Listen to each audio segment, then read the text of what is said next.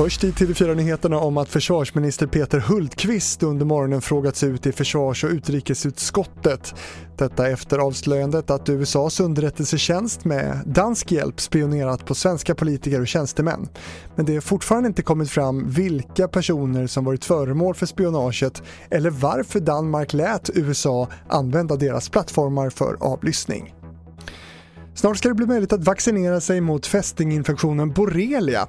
Läkemedelsjätten Pfizer ska under ett år testa sitt vaccin i sex europeiska länder, däribland Sverige, det rapporterar P4 Blekinge. Vaccinet ska verka genom antikroppar som går över till fästingen och dödar borreliabakterien i ett tidigt stadium. Och till sist om att allt nu talar för att Israels premiärminister Benjamin Netanyahu kommer att tvingas avgå. Sent igår kväll meddelade oppositionen att man är redo att bilda en koalitionsregering och nu återstår bara ett godkännande i parlamentet. Hör mer om regeringsbildningen på tv4.se. Och det var det senaste från TV4 Nyheterna nu. Jag heter Fredrik Rahlstrand.